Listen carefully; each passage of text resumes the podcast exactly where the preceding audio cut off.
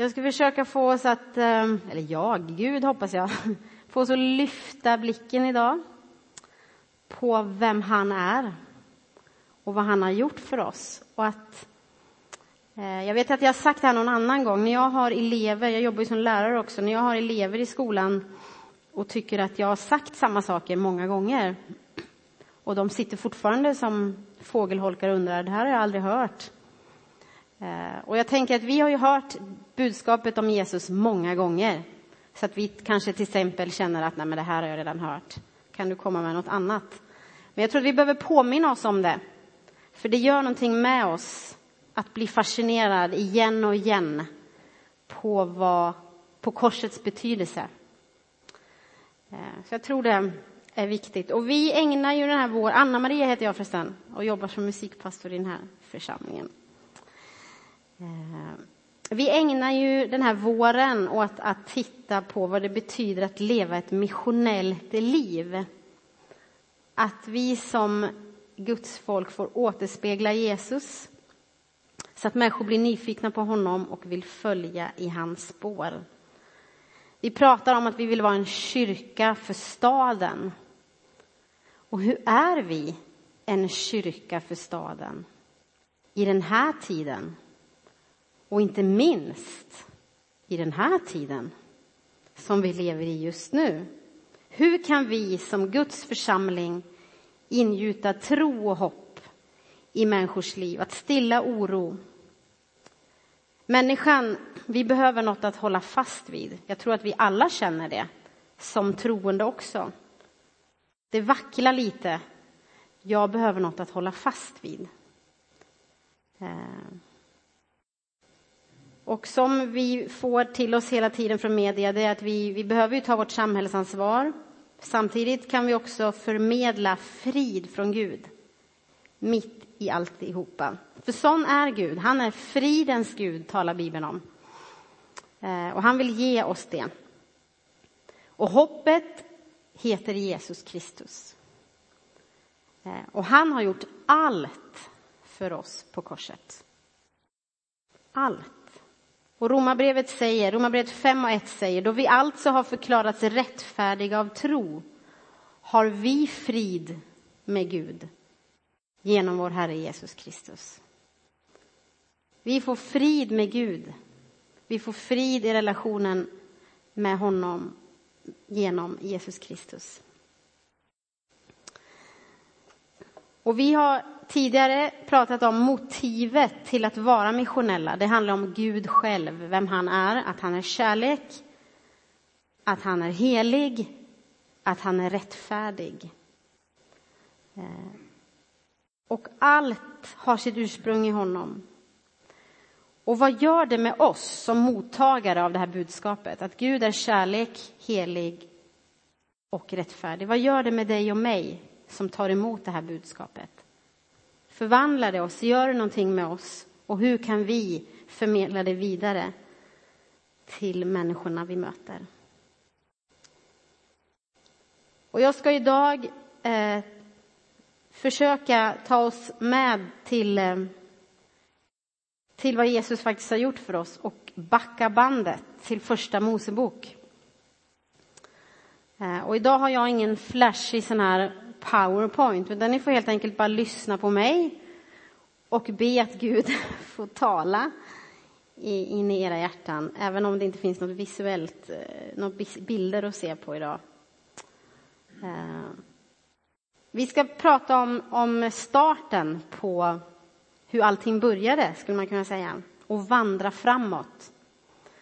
Eh, så den här predikan kommer att bli lång. Nej, jag skojar bara. Vi kommer, jag kommer göra några nedslag bara idag. Eh, jag har tidigare också talat om att eh, Gud längtar efter tillbedjare. Gud längtar efter människor som söker honom, som hittar hem hos honom. För han vet att den bästa platsen för människan, det är att vara nära honom. Att vara en tillbedjare. Eh, men om vi går tillbaka till första Mosebok så kan vi läsa om att Gud skapade världen och allt han gjorde var gott, står det. Allt var gott. Han skapade dagen, natten, han skapade djuren, naturen och allt var i harmoni. Och så skapade han människan som också levde i harmoni med honom och mellan varandra. Allt var gott, står det. Men läser vi sen vidare så ser vi med tiden att det inte alls utvecklades åt det hållet. Det utvecklas nämligen åt ett helt annat håll. Eh, och jag hörde en, en, en predikan här inför den här predikan. En man som talade om att om vi hoppar ifrån första Mosebok 2 där allt är gott, allt är harmoni och så hoppar vi över kapitel 3 och går direkt in i kapitel 4. Helt plötsligt sker det ett familjemord. Eh, det finns avundsjuka i bilden. Hur kunde det hända? Från att allt var bra, allt var härligt mellan Gud och människan och mellan människor till att det sker ett mord mellan eh, en bror dödar sin bror. Det var väl inte Guds ursprungsplan? Hur kom det här? Hur hände det här? Och läs, hoppar vi över kapitel 3 så förstår vi nog ingenting.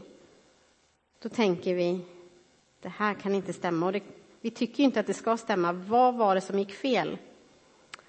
Men om vi går till första Mosebok 3 så ska vi läsa vad som hände här. Något som hände som faktiskt fick konsekvenser.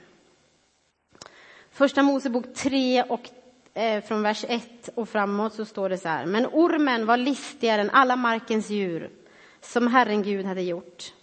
Han sa till kvinnan, har Gud verkligen sagt att ni inte får äta av alla träd i lustgården?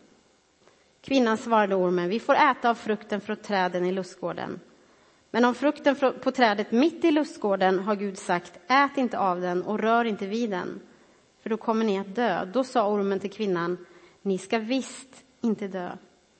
Men Gud vet att den dag ni äter av den kommer era ögon att öppnas och ni blir som Gud med kunskap om gott och ont. Och kvinnan såg att trädet var gott att äta av och en fröjd för ögat. Trädet var lockande eftersom det gav förstånd. Och hon tog av frukten och åt. Hon gav också till sin man som var med henne och han åt. Då öppnades ögonen på dem båda och de märkte att de var nakna. Och de fäste ihop fikonlöv och gjorde sig höftskynken. Vid kvällsbrisen hörde de Herren Gud vandra i lustgården och mannen och hans hustru gömde sig för Herrens Guds ansikte bland lustgårdens träd. Men Herren kallade på mannen och sa till honom, var är du? Han svarade, jag hörde ljudet av dig i lustgården och blev rädd eftersom jag är naken, därför gömde jag mig. Då sa han, vem har berättat för dig att du är naken? Har du ätit av trädet som jag förbjöd dig att äta av? Mannen svarade, kvinnan som du satte vid min sida, hon gav mig av trädet och jag åt. Då sa Herren Gud till kvinnan, vad är det du har gjort?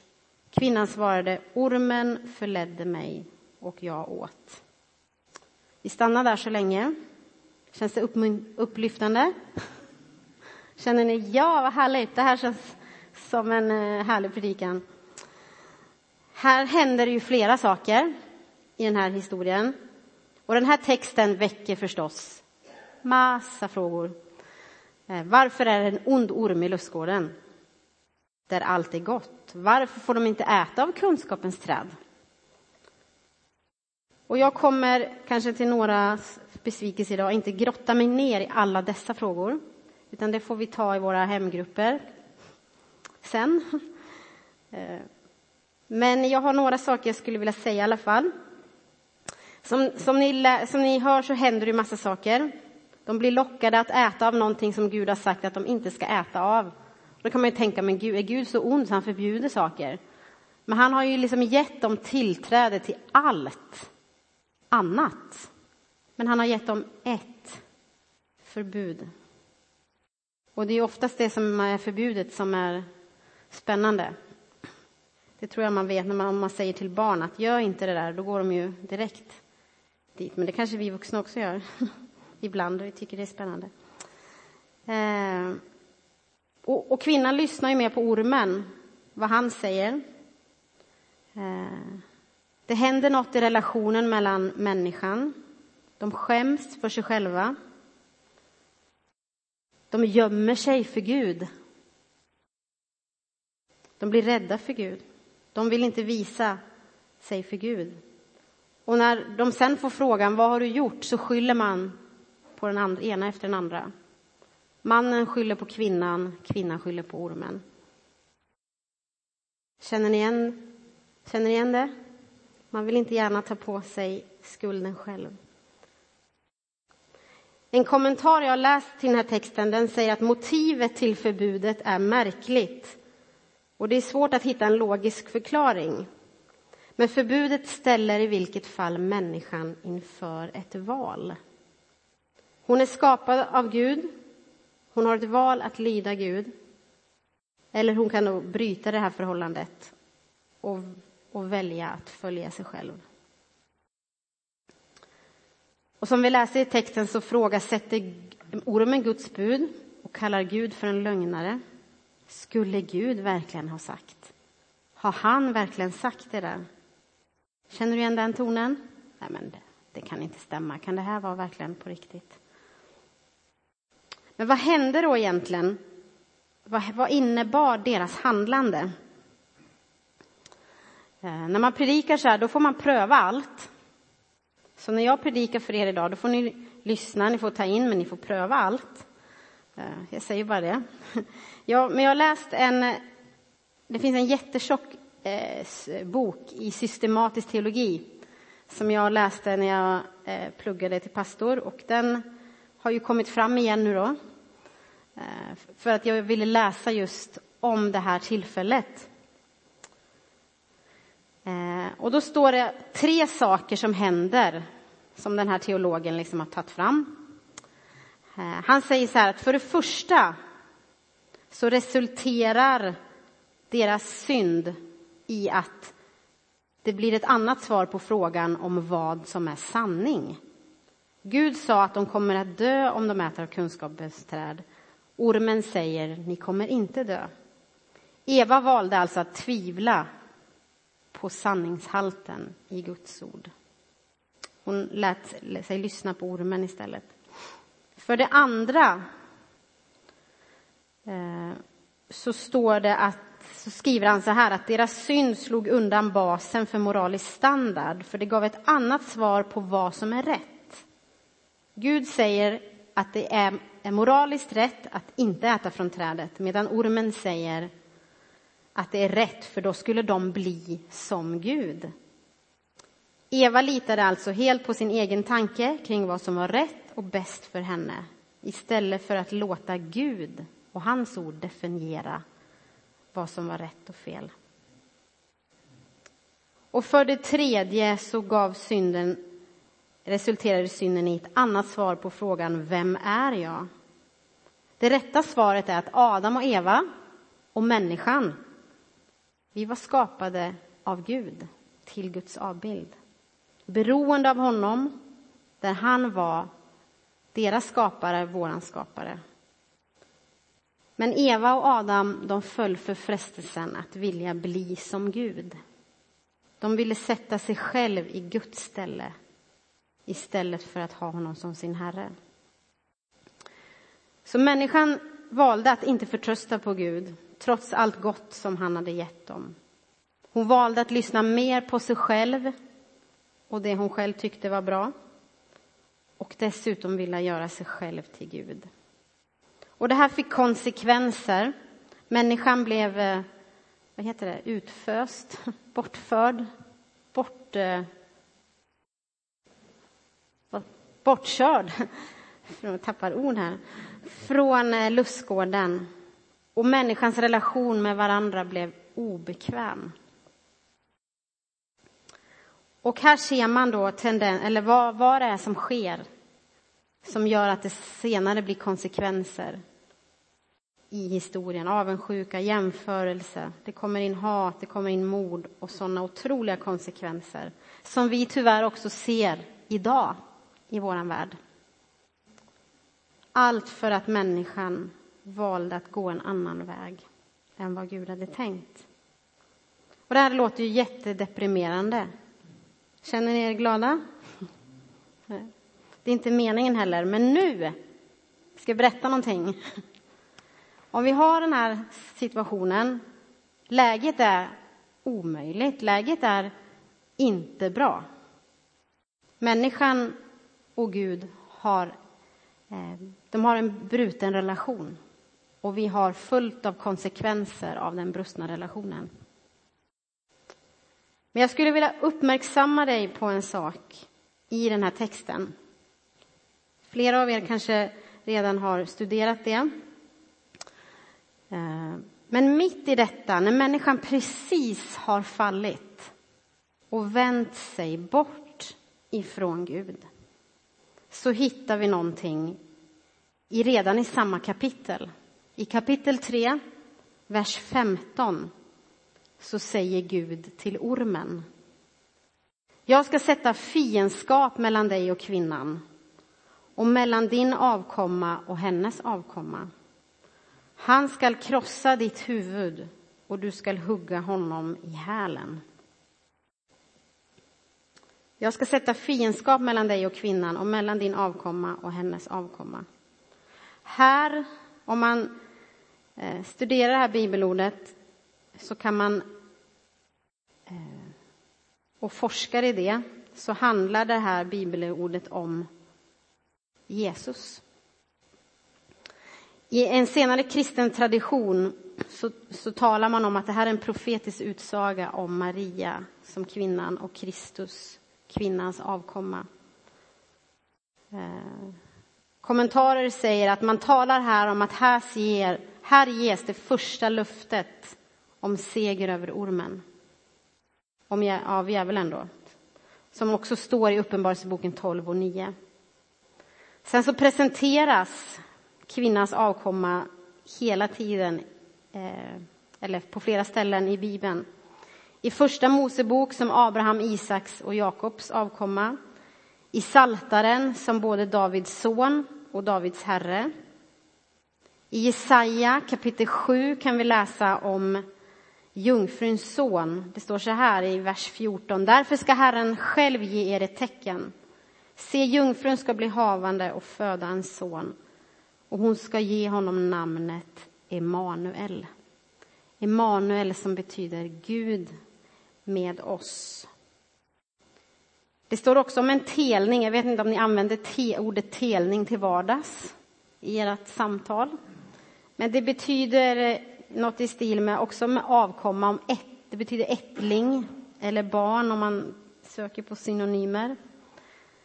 Och det står från Isais rot.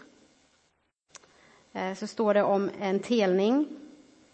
Se, dagar ska komma, säger Herren ifrån Jeremia 23, då jag låter en rättfärdig telning, eller avkomma då, växa upp åt David. Han ska regera som kung och handla med vishet. Han ska utöva rätt och rättfärdighet i landet. Här finns det kopplingar till Salomo, Davids son, men även en, eh, ett, ett, man pekar framåt mot, även mot Jesus. I Mika bok så står det så här, kapitel 5. Hänger ni med fast det blir många bibelord? Mm. Men du Betlehem, Efrata, som är så liten bland judatusenden. Från dig ska det åt mig komma en som ska härska över Israel. Hans ursprung är före tiden, från evighetens dagar. Vers 4 säger, han ska träda fram och vara en herde i Herrens kraft, i Herrens sin Guds namns höghet. Och de ska ha ro, för han ska vara stor till jordens ändar. Alltså under Israels historia talar profeterna om han som ska komma. Och löftet kommer redan efter syndafallet. När människan står liksom i en omöjlig situation. Då finns löftet om Jesus där. Är inte det rätt stort? Fascinerande, va? Eh, det finns även kopplingar till det här bibelordet, tredje Mosebok 15, i, i Nya Testamentet.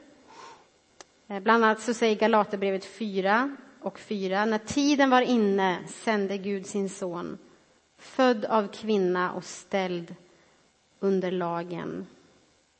Kolosserbrevet 2 och 15 säger, han avväpnade härskarna och makterna och gjorde dem till allmänt åtlöje när han triumferade över dem på korset.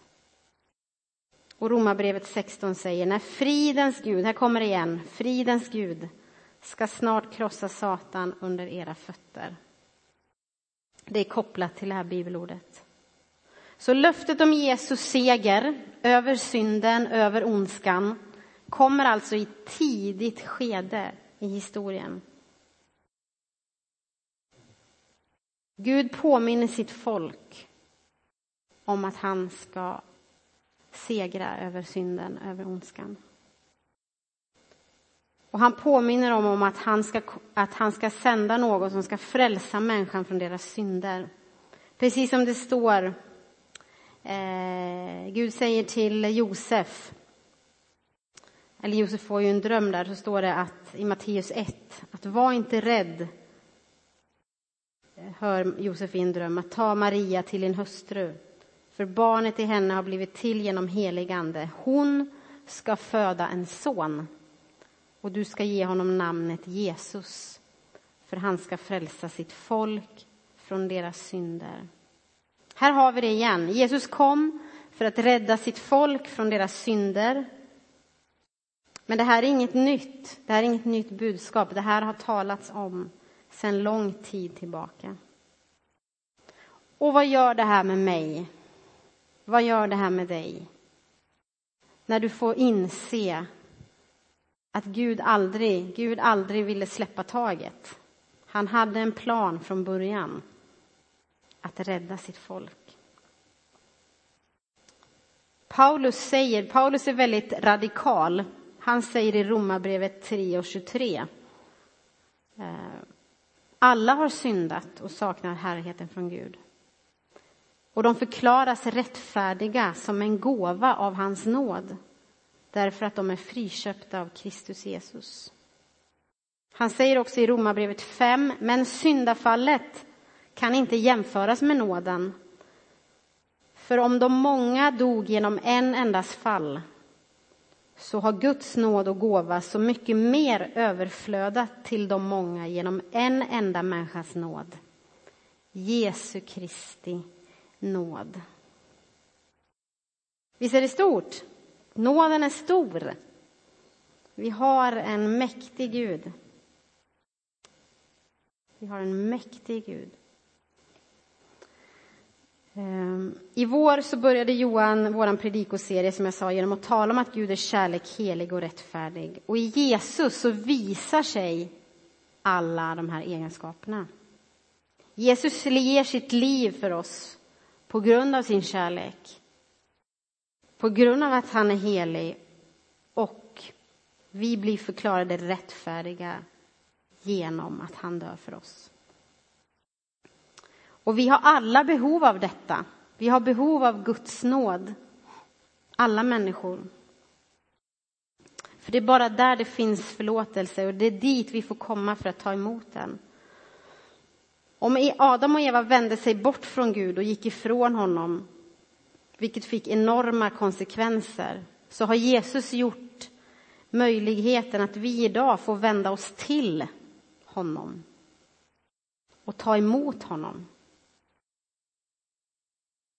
Tack vare allt som han har gjort. Och när vi gör det så finns det nåd och förlåtelse och frid att få. En frid som övergår allt förstånd även i de här tiderna. Men kan inte du som jag fascineras av löftet om Jesus seger, att det fanns med från början? Det fanns med så tidigt, precis efter vårt fall kom löftet om Jesus seger.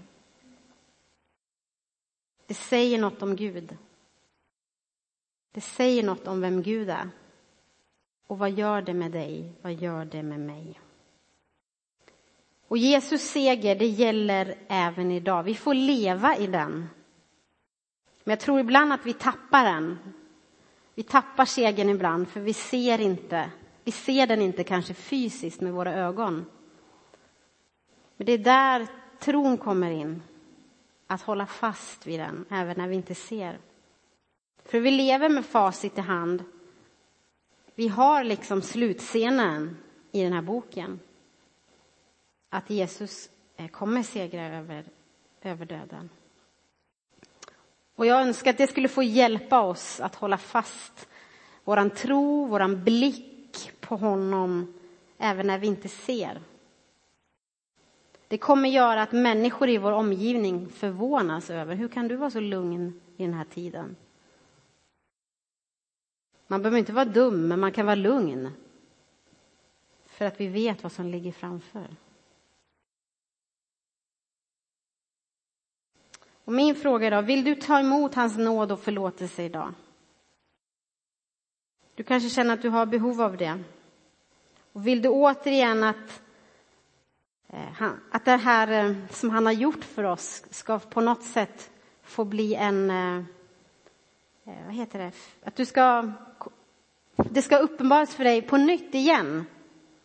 Då kan du få vara med om det den här dagen, att tacka Jesus för korset, för vad han har gjort för dig.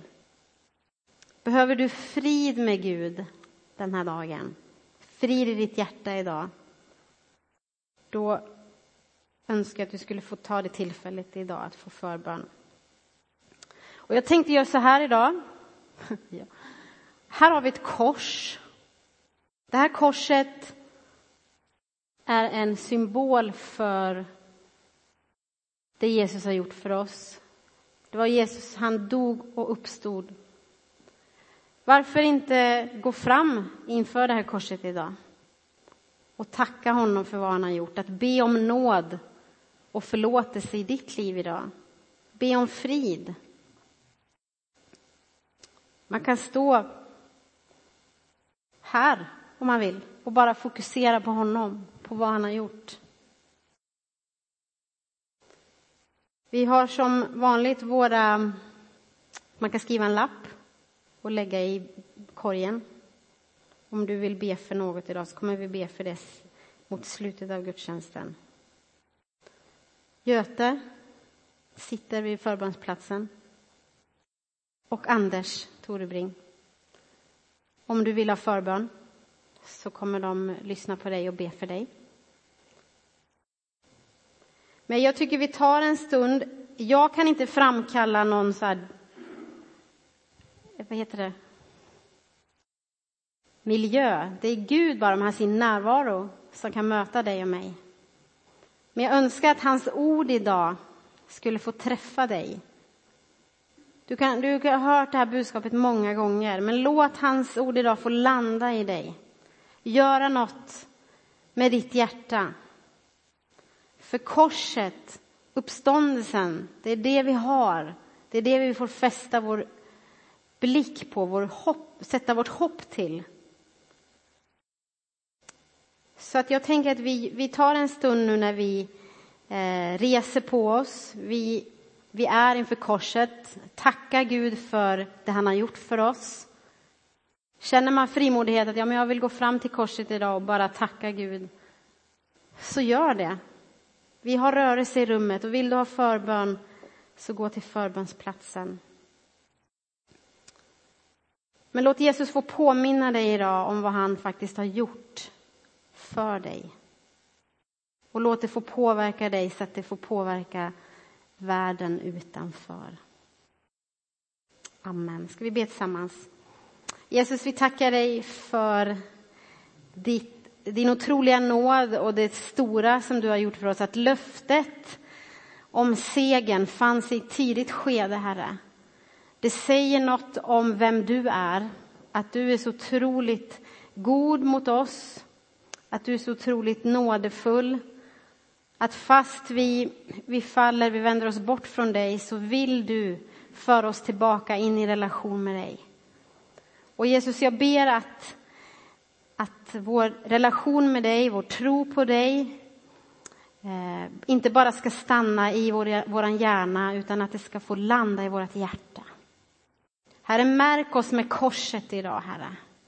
Märk oss med eh, det du har gjort för oss på korset. Låt oss få ta emot din nåd och förlåtelse idag. Så att vi också kan göra det bland människor vi möter, få ge vidare det till människor vi möter. Låt korsets kraft, låt det som du har gjort för oss få förvandla och röra vid oss, Herre. Vi ber om det nu. Vi ber om en stund, Herre, där du får påminna oss om vem du är. För vi är så beroende av dig.